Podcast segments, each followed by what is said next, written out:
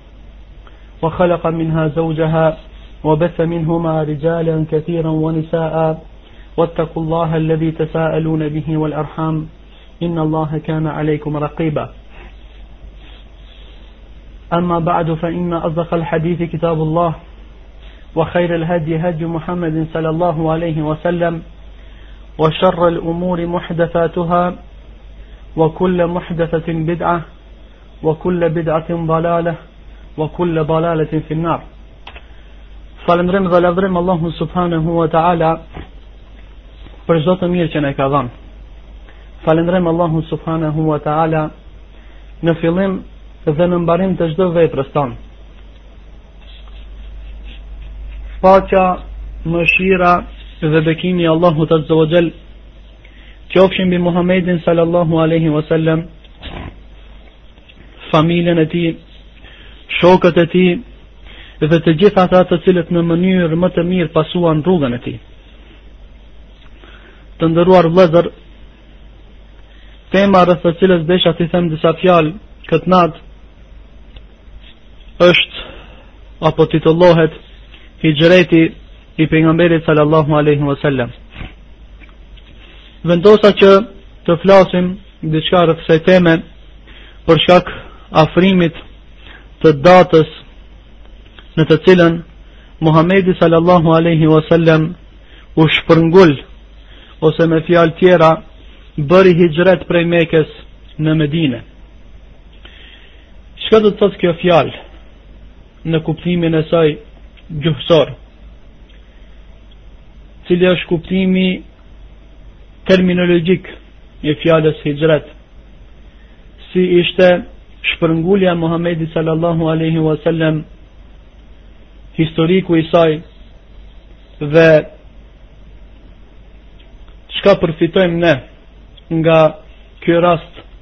i madh historik. Këto janë pikat rreth të cilave shkurtimisht do të mundohemi që t'i themi disa fjalë duke lutur Allahun subhanahu wa ta'ala që të na ndihmojë neve na e çel dijet e juve t'ju jep sabër duke lutur Allahun subhanahu wa ta'ala gjithashtu që këtë këto fjalë t'i bëjë prej veprave të mira tona në atë ditë kur do të dalim përpara Allahut subhanahu wa taala ditën kur nuk të bën dobi asgjë tjetër as pasuria e as familja përveç atij i cili i drejtohet Allahut subhanahu wa ta'ala me zemër të pastërt dhe me punë të shëndosha e të sakta siç ka thonë Allahu subhanahu wa ta'ala në Kur'an jaum, jaume la jenfau malun wa la benun illa men eta Allahe bi kalbin selim atë ditë pra ditën e kiametit ditën e mahsherit, kur do të dalim përpara Allahut subhanahu wa taala, atë ditë nuk të bën dobi pasuria e as fëmijët, e as djemt, e as familja yte që ke pas në këtë dunja. Përveç atij i cili drejtohet Allahut subhanahu wa taala, domethënë me zemër të pastërt dhe me punë,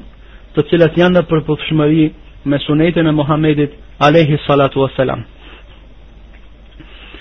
Të nderuar vëllezër, shpeshherë domethënë dëgjojmë këtë fjalë, hixhreti i pejgamberit sallallahu aleyhi wa sallam, sidomos nëpër librat të cilat kanë shtjelluar dhe shqyrtuar dhe zbërthyer çdo detaj të jetës së Muhammedit aleyhi salatu wa sallam. Fjala hixhret do të thotë shpërngulje ose mërgim.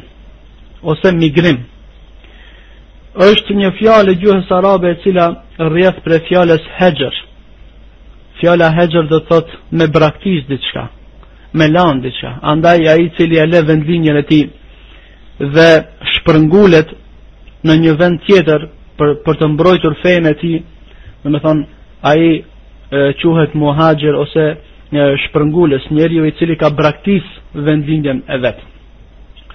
Në gjuhën e fukahave ose dijetarëve të fikhut, ata të cilët miren me studimin e ligjeve të, të sheriatit islam,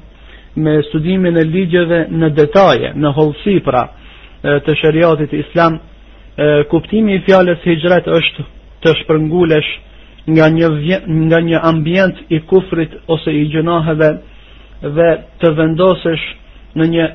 ambient të islamit dhe në një ambient të shëndosh ku shoqëria është e shëndosh ku ambienti domethënë nuk është i infektuar nga gjynahet e ndryshme të kësaj bote. Muhammedi sallallahu aleyhi wa sallam pra me të vetmin qëllim për t'i mbrojtur muslimanët, për t'i mbrojt shokët e vet, për t'i mbrojt sahabët radiallahu anhum exhmain qysh më herët, Para se të shpërngulet në Medine, prej Mekës, u dha leje në vitin e 5 të Hixhretit. Pastaj në vitin e 7 të Hixhretit që muslimanët të shpërnguleshin ose të bënin Hixhret prej Mekës dhe të shkojnë në Abisini, në një vend i krishterë ku mbreti i atij vendi, asaj mbretërie apo atij shteti ishte i drejtë e ai ishte Nexhashiu radiallahu anhu i cili më vonë kur Muhamedi sallallahu alaihi wasallam dërgon del, një delegat të tij dhe ia ban davet ia paraqet islamin e thirr Nexhashiun radiallahu anhu që të pranon islamin dhe ai pranon fenë e Allahut subhanahu wa taala për shkak asaj që e sheh domethënë për për shkak të vërtetës të cilën e sheh te feja e Allahut subhanahu wa ta'ala. Mirëpo pas një dezinformate që u arriti muslimanëve atje në Abisini, muslimanët të cilët ishin shprëngulur, kthehen muslimanët, domethënë ai grupi i muslimanëve i vogël i cili u shprëngul në Abisini kthehen përsëri, domethënë në Mekë, për, sepse u përhap lajmi se e mushrikët e Mekës, politeistët e Mekës kishin pranuar Islamin. Pasi që u kthyen muslimanët për së dyti herë domethënë në, në, në meke, në vendin ku akoma shirku dominonte, e, filluan edhe më me ashpërsi torturat dhe maltretimet e mushrikëve të cilët ua bënin muslimanëve. Ata të cilët kishin vendosur dhe kishin pranuar e besuar me zemrat e tyre se zoti i tyre është Allahu subhanahu wa ta'ala feja e tyre ishte Islami, kurse pejgamberi i tyre ishte Muhamedi sallallahu. Muhamedi sallallahu alaihi wasallam duke dashur që të përhapë davetin islam, duke dashur që t'i njoftojë njerëzit me këtë dritë e cila kishte zbritur prej Allahu subhanahu wa taala që vite më parë çdo herë shfrytëzonte rastet që në sezonën e haxhit të takohej me arabët e, e, e viseve të ndryshme të cilët jetonin jashtë Mekës dhe t'ua paraqesë atyre fenë e Allahut subhanahu wa taala. T'u tregojë atyre me fjalën të cilën vazhdimisht e përsë e përsëritte dhe thoshte o njerëz besoni në këtë që ua them unë nëse dëshironi të shpëtoni. Dhe vazhdimisht gati shkonte te çdo njeri i cili kishte ardhur, domethënë për të adhuruar Allahun subhanahu wa taala në Qabe, sepse Edhe në kohën paraislamike, domethënë në, në kohën e xhahilijetit, njerëzit vinin në shtëpinë e Allahut subhanahu wa taala në Qabe dhe i kryenin ato ritet e tyre të cilat kishin mbet që prej kohës së Ibrahimit alayhis salam edhe pse ishin domethënë të njollosura këto rite këto ibadete që i bënin ata ishin të njollosura me shirk mirëpo përsëri edhe mushrikët e Mekës ishin ata të cilët e madhëronin këtë vend, ishin ata të cilët e shenjtëronin Qabën, mirëpo ajo që ishte gabim prej tyre se në adhurimin që bënin ata në Qabe, i bënin shirk Allahu subhanahu wa taala. Mirnin ndërmjetës ndërmjet tyre dhe Allahu subhanahu wa taala, putat e ndryshëm ose idhujt e ndryshëm të cilët i kishin vendosur në këtë vend, në këtë vend të pastër, pra në vendin e Qabës,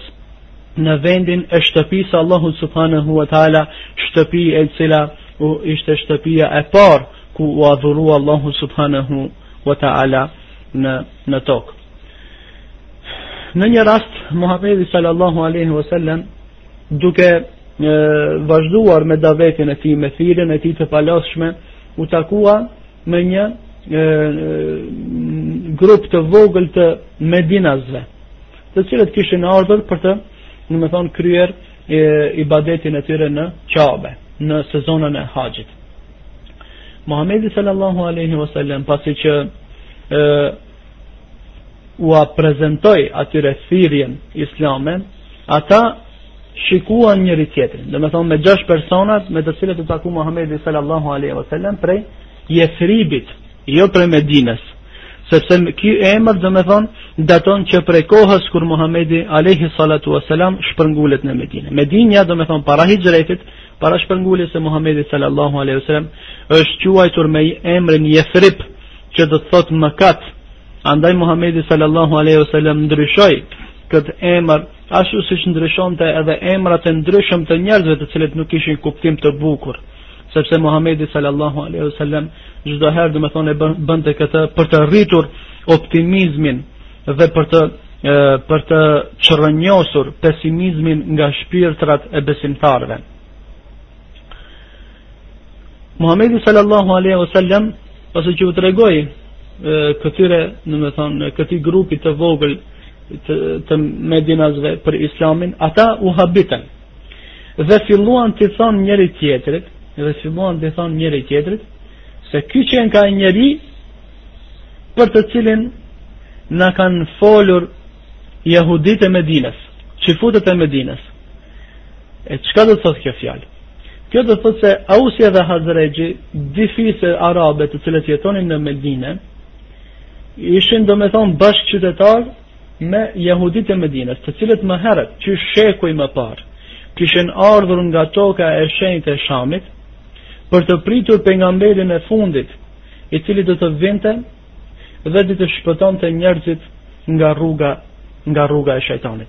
Se jahuditë në librin, domethënë në librin e e tyre të shenjtë në Teurat në ato pjesë ku e akoma nuk e kishin e, shtrembëruar, përshkruhej se pejgamberi i fundit do të vijë në një vend i cili ka hurma dhe vend i cili është ndërmjet dy kodrave të thata. Dhe këta vazhdimisht kanë menduar se ky njeri do të jetë prej popullit të tyre. do të jetë prej jahudive ashtu siç kishin qenë domethënë një numër i madh i pejgamberlerëve domethënë të Allahut subhanahu wa taala duke filluar prej Isakut duke filluar ë prej pastaj domethënë duke vazhduar me Jakubin alayhis salam pastaj duke vazhduar me Jusufin alayhis salam e kështu me radhë mirëpo ajo që caktoi Allahu subhanahu wa ta'ala ishte se ajo që, që caktoi Allahu subhanahu wa ta'ala ishte që pejgamberi i fundit të jetë prej pasardhësve të Ismailit alejhi selam pra të jetë domethënë prej arabëve sepse siç e dimë domethënë arabët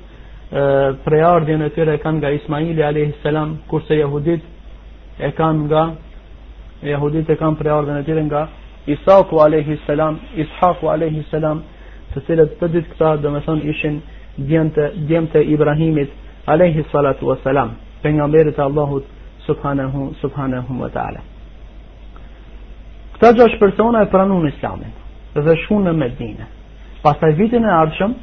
vitin e ardhshëm, erdhën një grup edhe më i madh. Dhe sërish u takuan në vendin e quajtur Akabe, u takuan me Muhammedin sallallahu alaihi wasallam. Dhe fillu treguan interesim edhe më të madh për të ndëgjuar për fenë e Allahut subhanahu wa taala, për të ndëgjuar për për Islamin.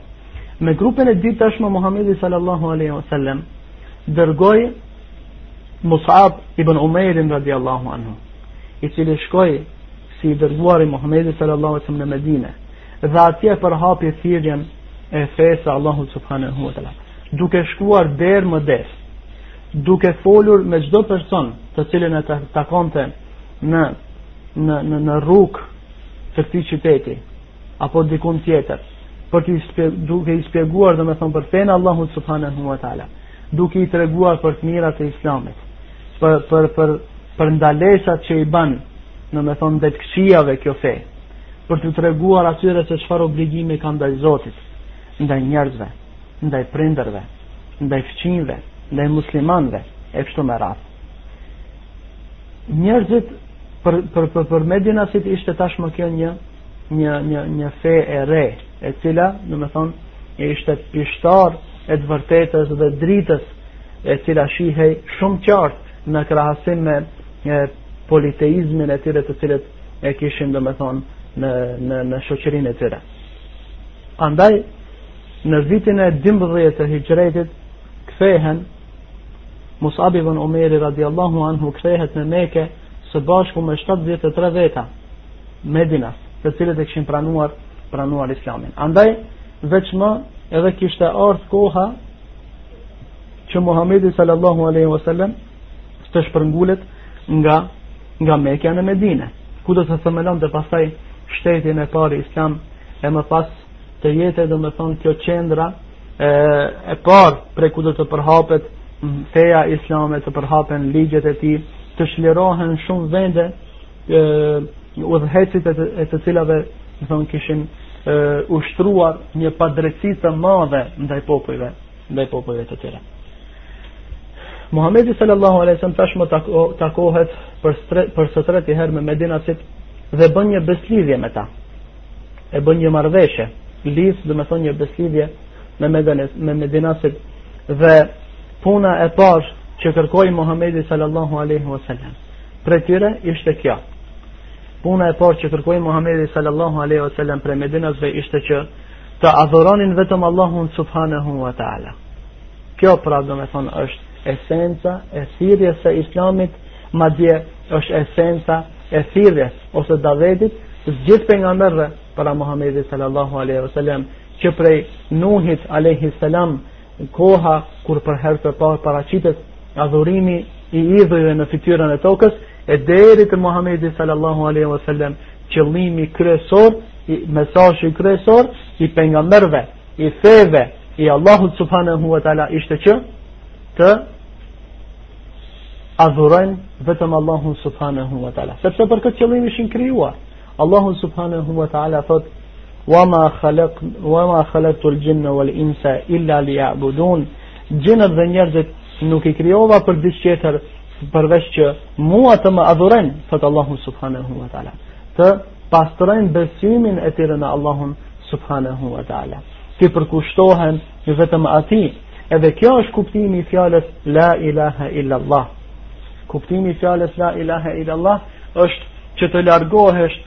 nga adhurimi i çdokujt tjetër përveç Allahut subhanahu wa taala. Dhe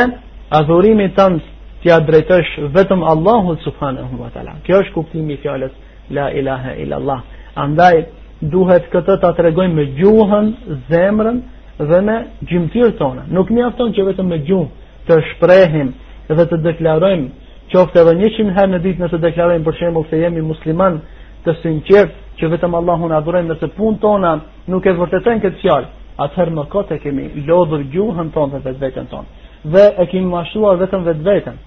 Andaj kjo ishte kërkesa e parë e Muhamedit sallallahu alaihi wasallam. Ishte domethënë një një një një marrëveshje ku ishte shumë e qartë se domethënë qëllimi i Muhamedit sallallahu alaihi wasallam që njerëzit të mos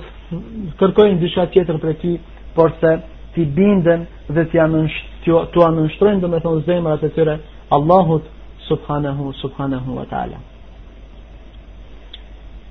kur u taku Muhamedi sallallahu alaihi wasallam në Mina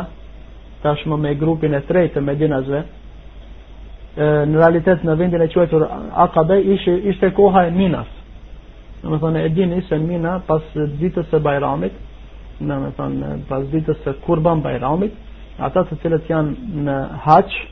do thonë ata që kanë hyrë në ihram për të kryer haxhin, që është një prej shtyllave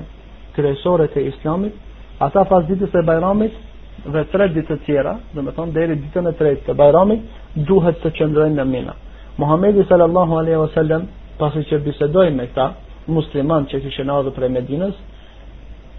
Ata Medinasit i than Muhamedi sallallahu alaihi wasallam. Kjo është një fjalë shumë e rëndësishme, një një një rast shumë i rëndësishëm prej të cilit dijetarët e muslimanëve kanë nxjerrë rregulla pastaj të dobishme dhe rregulla të të të të ndritura, domethonë, të cilat ndriçojnë rrugën e besimtarit për të ecur në vijën të cilën e ka vizatuar Muhamedi alayhi salatu wasalam, e cila është rruga më e shkurt dhe rruga më e, më e vërtetë dhe e sigurt për të arritur deri te xheneti i Allahut subhanahu wa taala. Medinasit i than Muhammedi sallallahu alaihi wasallam, ja Rasulallah, o i dërguar i Allahut. Na lejo që me shpatat tona të ballafaqohemi me krishterët, me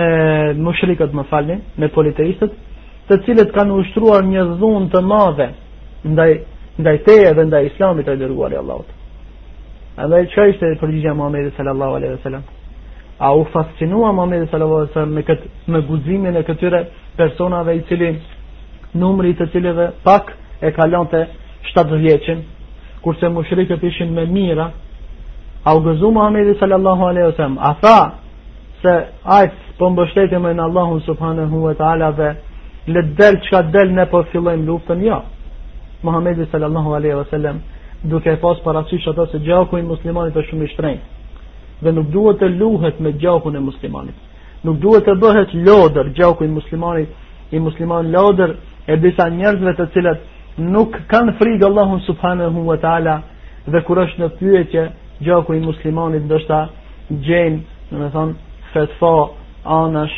djathas e majtas, vetëm për të lejuar gjakun e muslimanit për të cilin ka thonë Muhammedi sallallahu aleyhi wa sallam, për Qaben ka thonë se, pasha Allahun, të, shkatër, të, të, të rrënohesh, oj shtëpi e Allahut, oj Qabe, të rrënohesh tullë pas tulle, është më pak mëkat, se sa të vrasish, një musliman. Andaj Muhamedi sallallahu alaihi wasallam ju dha një përgjigje të mençur dhe të urtë dhe ju tha se jo, keni kujdes. Ndaluni se akoma nuk jemi urdhëruar. Akoma nuk kemi sinjal për të filluar luftën me mushrikët. Për arsye se duhet me pas parasysh edhe përgatitjen tënde.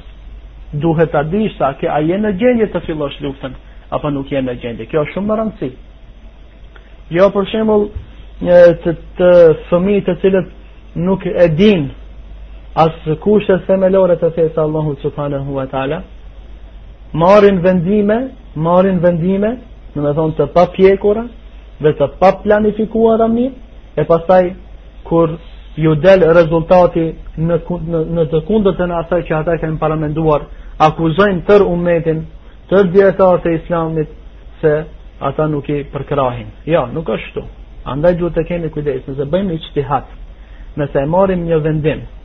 duhet të shikojmë se pasojat e këtij vendimit, kush i mba, une, apo krejt muslimanët. Nëse i mba une, çdo njeri që mendon kështu. Atëherë ndoshta i lejohet, domethënë të bëjë ixhtihad. Mirëpo nuk është e drejtë që ti të bësh ixhtihad, ti të marrësh vendime, ti ti të të të, të vendosësh, ti të marrësh hapa konkrete e pastaj pasojat e atij mendimit tënd, atij planit tënd t'i mbajë, t'i mbajnë të gjithë muslimanët. Të gjithë muslimanët domethënë të e, përjetojnë periperit, peripecitë e ndryshme, mundime të ndryshme, e, ngacmime të ndryshme, vetëm se ti nuk ke ditur të mendosh dhe të e, vendosësh. Gjithashtu Muhamedi sallallahu alaihi wasallam kërkoi prej tyre që Përveç, domethënë që ta kenë të qartë se qëllimi kryesor i fesë është tauhidi, pra besimi i pastër në Allahun subhanahu wa taala, ua bëri me dije që të largohen nga mëkatet shkatërruese, nga mëkatet e mëdha siç janë zinaja ose prostitucioni, vjedhja e kështu e kështu me radhë. Pas këtij rasti Muhamedi sallallahu alaihi wasallam vendosi që domethënë erdh urdhri prej Allahut subhanahu wa taala që të shpërngulet për në Mekë. Të dalë Muhamedi sallallahu alaihi wasallam të dalë dhe të shpërngulet për në Mekë. Për në Medinë, më falni. Dhe normalisht shkon domethënë aty diku para kohës së drekës shkon te Ebu Bekri radiallahu anhu dhe i tregon Ebu Bekrit radiallahu anhu se i ka ardhë leja prej Allahut subhanahu wa ta'ala që ta lëshon Mekën. Ebu Bekri radiallahu anhu çka bëri? A filloi domethënë të trishtohet, a filloi të pyes, jo. Puna e parë që e pyti Ebu Bekri radiallahu anhu Muhammedin sallallahu aleyhi wa sallam ishte i tha as sahabata ja Rasulallah ose në disa transmitime tjera As-suhbata ya Rasul Allah. O i dërguari i Allahut, a ka mundësi që unë të të shoqëroj? Unë të shoqëroj. Se nuk ka pas ai, domethënë brengë më të madhe se sa Muhammedin alayhi salatu wasallam. Nuk e ka pas brengë as familjen e tij. Aq sa e ka pas domethënë brengë Muhammedin sallallahu alaihi wasallam përkitazi me fjalën e Muhammedit sallallahu alaihi wasallam i cili ka thon vallahi asnjëri prej jush nuk ka besuar Përderisa të mos jem unë, thotë Muhammedi sallallahu alaihi wasallam, më i dashur për të, se sa pasuria e tij, fëmijët dhe familja e tij, dhe të gjithë njerëzit. Andaj Abu Bekri radiallahu anhu shumë mirë e kishte kuptuar këtë fjalë të Muhammedit sallallahu alaihi wasallam dhe në momentin kur mushrikët e Mekës kishin kishin dhënë një një kishin shpallur një shpërblim të madh për atë i cili do të kapte Muhamedin sallallahu alaihi wasallam të gjallë ose të vdekur dhe ta sjellte, ata domethënë, ofronin 100 deve, pasuri e madhe asaj kohe. Pasuri e madhe, jashtëzakonisht e madhe. Ata ofronin 100 deve për të kapur dikush Muhamedin sallallahu alaihi wasallam. E bu, normalisht në këtë në të, këtë gjendje, në këto rrethana, domethënë rreziku ishte shumë i madh. Sepse të gjithë njerëzit do të garonin se kush prej tyre do të mund të kapë Muhammedin sallallahu alaihi wasallam. Ebu Bekri radiallahu anhu kërkon dhe lut Muhammedin sallallahu alaihi wasallam që ta shoqërojë në atë udhëtim të mundimshëm dhe të rrezikshëm kurse Aliu radiallahu anhu Kurse Aliu radiallahu anhu vendosi që të bie në shtratin e Muhammedit sallallahu alaihi wasallam dhe kur të vinë mushrikët e Mekës për të sulmuar Muhammedin sallallahu alaihi wasallam kur të vinin ashtu siç kishin paraplanifikuar më herët ashtu siç kishin domethënë vendosur më herët që të zgjedhin nga çdo të ri prej çdo kabiles prej çdo fisit dhe të mbytnin Muhammedin sallallahu alaihi wasallam Aliu radiallahu anhu sakrifikon shpirtin e tij, sakrifikon gjithçka që posedonte dhe vendosi të ulej dhe të shtrihej në shtratin e Muhamedit sallallahu alaihi wasallam. Dhe kur njerëzit të dhe, të të, të vinë dhe të dhe të mundohen të ekzekutojnë Muhamedit sallallahu alaihi wasallam, normalisht që ai ishte i gatshëm që të flijonte shpirtin e tij, domethënë vetëm për ta mbrojtur Muhamedin sallallahu alaihi wasallam.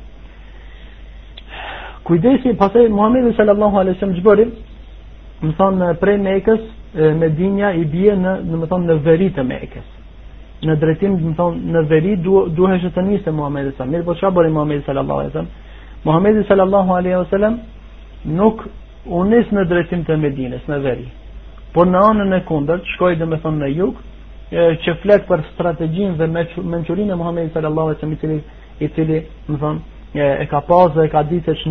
ç'ndodh për, përreth tij, si duhet të sillet dhe si duhet të gjindet në raste dhe rrethana të ndryshme ku kër, u kër, kërcënohej jeta e tij dhe jeta e shumë, e shumë muslimanëve. Andaj domethënë Muhammedi sallallahu sallam pastaj domethënë vendoset në udhë e marrin shkon Ebu Bekri dhe kanë pasë Abdullah ibn Urejkitin shërbëtori i Ebu Bekrit radiallahu anhu Dhe shkon aty vendoset domethënë në një në një shpellë larg Mekës, e cila quhet domethënë ë ë Ghar Thawr, domethënë shpella, shpella e Thawrit. Disa mushrik pasi që kërkuan domethënë çdo vend ku do të kishte pas mundësi që të shkonte Muhamedi sallallahu alaihi wasallam, kur arritën te kjo shpella, ishte shumë afër që ta shihnin Muhamedit sallallahu alaihi wasallam.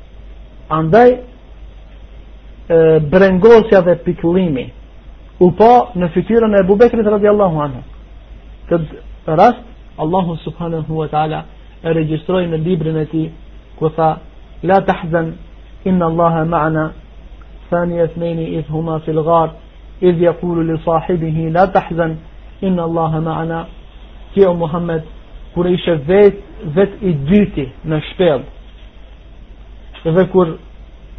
i the shokut tënd mos u pikllo se Allahu subhanahu wa taala është me ne. Shikoni se sa bukur Allahu subhanahu wa taala e ka shpreh këtë ajet. Kur dijetarët e tefsirit, ata që mirën me komentimin e Kur'anit, Kur kanë komentuar këtë ajet, kanë parashtruar një pyetje, dhe të cilës i janë përgjigjur ata vetë. Të cilës ata i janë përgjigjur vetë. Kanë thënë, pse Allahu subhanahu wa taala dhe Muhamedi sallallahu alaihi wasallam, pse nuk i ka thënë Ebu Bekrit radhiyallahu anhu mos u frigo, po i ka thënë mos u pikllo, mos u mërzit. Për arsye se brenga e madhe që Ebu Bekri radiallahu anhu ka pasur për Muhammedin Alehi Salatu Veselam ia ka harruar frigën atij kështu ishin shokët e Muhammedit Sallallahu Alehi Veselam këto janë njerëzit që Allahu Subhanahu Wa Ta'ala i zgjodhi që të shoqërojnë njeriun ose krijesën më të dashur të tij, Muhammedin sallallahu alaihi wasallam. Andaj t'i duash sahabët. Është iman, është ihsan dhe është islam. Kurse të dhe duhet që vetëm për të mirë t'i përmendish ata. Kurse të urrejsh sahabët është nifak hipokrizi është kufër dhe është tejkalim i kufijve siç e ka përmendur dijetari i madh i ehli sunetit Ebu Ja'far et-Tahawiu rahimahullahu taala. T'i duash sahabet, është iman, është ihsan dhe duhet që të duhen ata dhe ata të cilët i duan sahabet. Të urresh sahabet është kufër dhe nifak dhe duhet që të urrehen ata të cilët i urrejnë sahabët. Për arsye se ata sakrifikuan gjithçka. Sakrifikuan, domethënë, pasurinë e tyre, familjen e tyre, madje edhe jetën e tyre, vetëm për të për t'u kujdesur për Muhamedin sallallahu alaihi wasallam, për t'u kujdesur për fenë islame që Allahu subhanahu wa taala ia zbriti Muhamedit sallallahu alaihi wasallam, e më pastaj e bëri dritë me të cilën do të udhëzohen njerëzit deri në ditën e kiametit dhe drita e vetme e cila të tregon rrugën që të shpijen te malli i Allahut subhanahu wa taala e malli i Allahut subhanahu wa taala është xheneti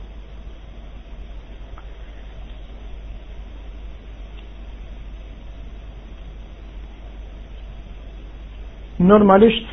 gjatë udhës pasi që arrin Muhamedi sallallahu alaihi wasallam në Medine muslimant e presin duke brohoritur ja Muhammed ja Rasul Allah ja Muhammed ja Rasul Allah tashma mushrikët pse mundoheshin që të mos lejojnë Muhammedin sallallahu alaihi wasallam të shpërngulet pse ata pengonin muslimanët që të shpërngulen për arsye se e dinin se nëse shpërngulen domethonë nëse ikin prej prej Mekës, ata do të tubohen në ndonjë vend e pastaj do të bëhen forcë, forcë e cila domethonë kërcënonte ekzistencën e mushrikëve, armiqve të përbetuar, domethonë të fesë së pastër islame, të besimit të pastër tauhidit, besimit të pastër në njëshmërinë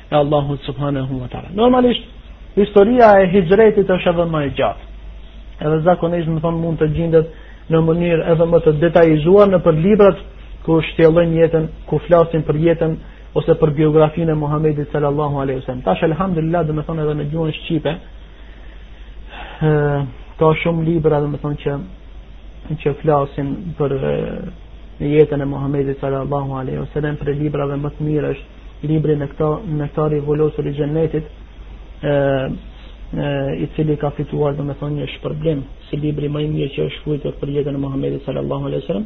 sidoqoftë ajo që e, desha të përmend domethonë une prej e, këtij dersi nuk është thjesht vetëm të përmendet domethonë e,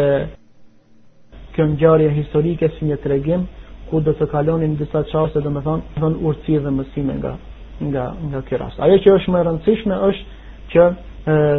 si, është ajo domethënë që e, të dimë se çka përfitojmë nga domethënë nga kjo e, nga kjo rast historik. Normalisht shumë, domethënë detaje të tjera mbetën pa u përmendur, mirëpo, siç thashë edhe pak më parë, se qëllimi është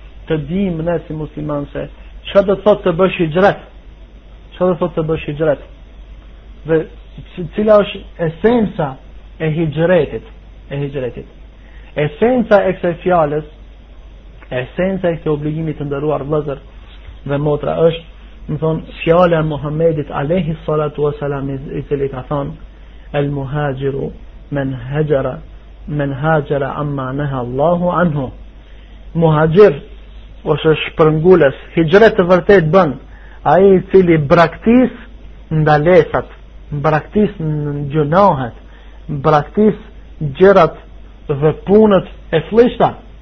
të cilat Allahu subhanahu subhanahu wa taala i ka ndaluar. Është e vërtetë se muslimant tashmë nuk bëjnë hixhret prej Mekës dhe të shpërngulen në Medinë. sepse Muhamedi sallallahu alaihi wasallam ka thonë la hijrata ba'da al-fath në vitin e 8 të hixhretit Muhamedi sallallahu alaihi wasallam e çliroi Mekën dhe e tha fjalën e tij të përjetshme se nuk ka hixhret më mas mas hixhretit që e boni Muhamedi sa prej Mekës në Medinë pas çlirimit tha Muhamedi sa më nuk do të ketë hixhret e ka fjalën për hixhretin prej Mekës në Medinë mirëpo ka mbet një hixhret tjetër një mërgim, një shpërngulje, një, një braktisje tjetër domethënë, ajo është t'i braktisim veset e këqija, t'i braktisim gjunahet, t'i braktisim rrugët e shejtanit, rrugët, të gjitha rrugët të cilat nuk janë rrugë të Muhammedit sallallahu alaihi wasallam, rrugët të cilat dallojnë nga rruga të cilën na i ka treguar Muhammedi sallallahu alaihi wasallam. Domethënë, ky hixhret ka mbet, edhe do të mbetet deri në ditën e kiametit, që, që njeriu i cili, domethënë, është zhytur në, në gjunahe, në shkelje të kufijve të Allahu subhanahu wa ta'ala, duhet patjetër që t'i braktisë ato vese të këqija, t'i braktisë ato mëkate, dhe të dalë në një vend tjetër shpirtëror. Kjo është ai ai në ajo shpërngulja shpirtërore e cila mund të bëhet domethënë me shpirtin tënd, jo me trupin tënd, t'i lësh veset e këqija, t'i lësh gjunahet, t'i lësh domethënë kundërshtimet që i bën fesë së Allahut subhanahu wa taala, domethënë dhe fjalëve të Muhamedit sallallahu alaihi wasallam dhe të vendosish një herë për gjithmonë që, që zemrën tënde t'ia nënshtrosh Allahut, që t'i bindesh Allahut, të respektosh Muhamedin sallallahu alaihi wasallam, wa man yutir rasul faqad ata Allah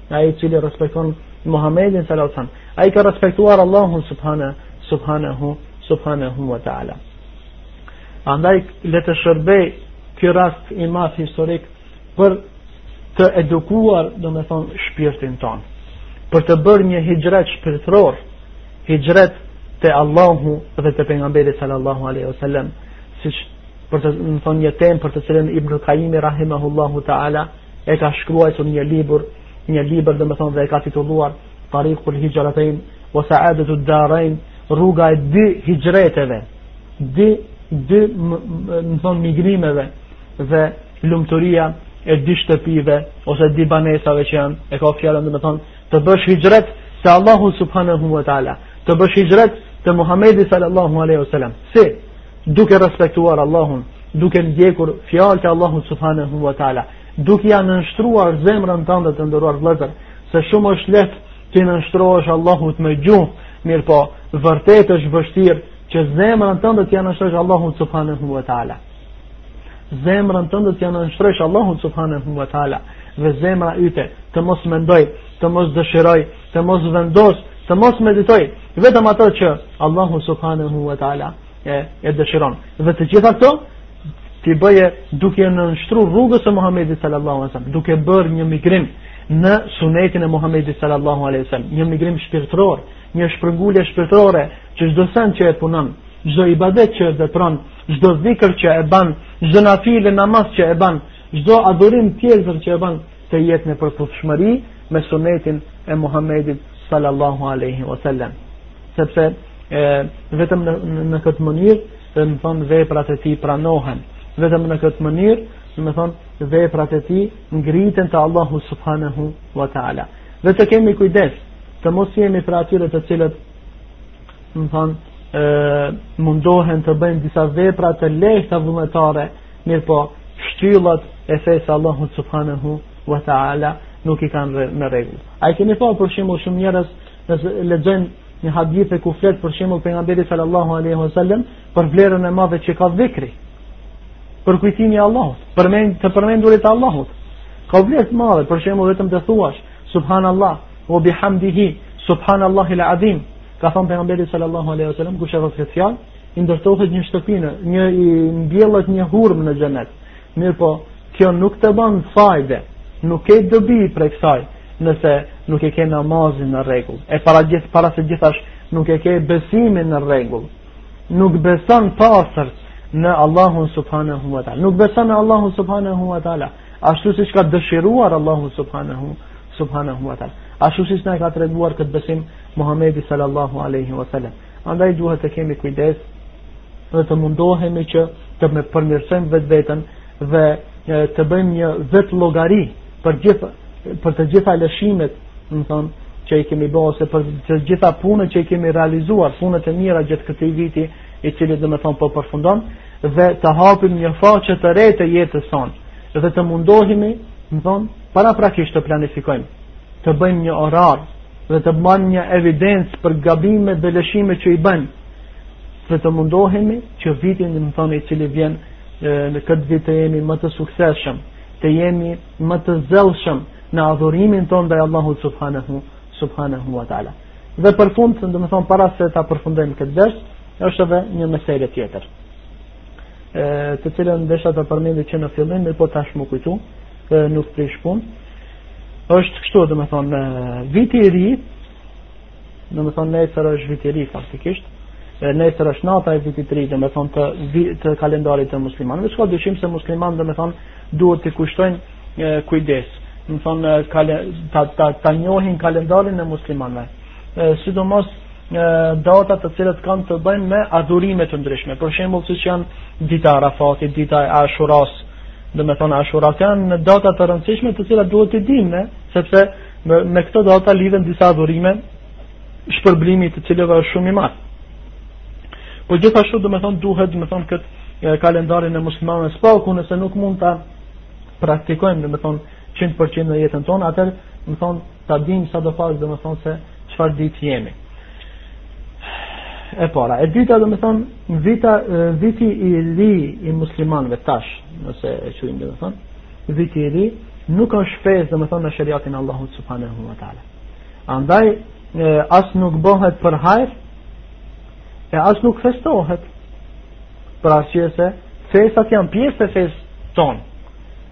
festat janë të caktume, domethënë prej Allahut dhe pejgamberit sallallahu alaihi wasallam. Muhamedi sallallahu alaihi wasallam kur u shpërngul në Medinë, i pa se si njerëzit loznin dhe festonin disa ditë. Muhamedi sallallahu alaihi wasallam kur pyeti, çfarë ditë janë këto? Ata u përgjigjen se këto ishin disa ditë të xhahilietit, të periudhës paraislame, të periudhës injorante, në të periudhës së injorancës, ku ne i luanim dhe dëfreheshim, Thanë ata, Muhammedi sallallahu alaihi wasallam ju tha, Allahu subhanahu wa taala këto ditë ua ka zëvendësuar me me dy ditë më të mira se këto. Ato janë domethënë festa e Fitr Bajramit dhe festa e Kurban Bajramit. Domethënë Bajrami i madh dhe Bajrami i vogël me fjalë të tjera, domethënë siç njihen, siç njihen te populli, populli jonë. Andaj nëse krishterët për shembull ose jo muslimanët Festojnë natën e vitit të ri të kalendarit të tyre. Kjo nuk do të thotë tash se edhe ne musliman duhet të festojmë, domethënë, këtë datë. Ja, jo, ne festojmë edhe normalisht, mënyra e festimit te, te qafirat, te jomuslimanët, dhe te muslimanët dallon, krejtësisht dallon. Te festat e muslimanëve shprehet e, adhurimi, madhërimi i Allahut subhanahu wa ta'ala, lavdërimi i Allahut subhanahu wa ta'ala,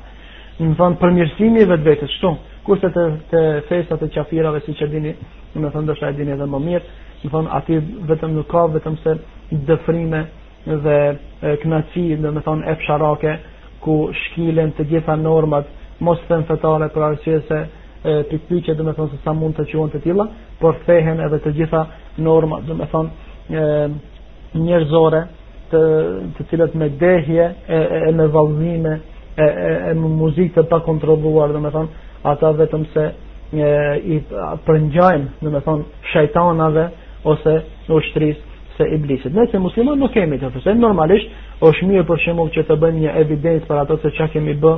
dhe çka, domethënë, duhet të bëjmë, ku në çfarë aspekti duhet të përmirësohemi më tepër, në këtë nëse e bëjmë nuk ka, domethënë,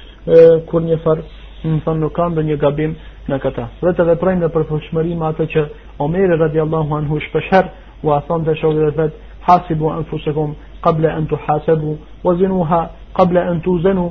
llogariteni vetveten tuaj, para se t'ju llogarit dikush tjetër juve, domethënë t'ju llogarit Allahu subhanahu wa ta'la ditën e kijametit, dhe matni punët e tuaja, domethënë, para se t'ju maten nga tjetërkush, para se t'ju maten në peshoret,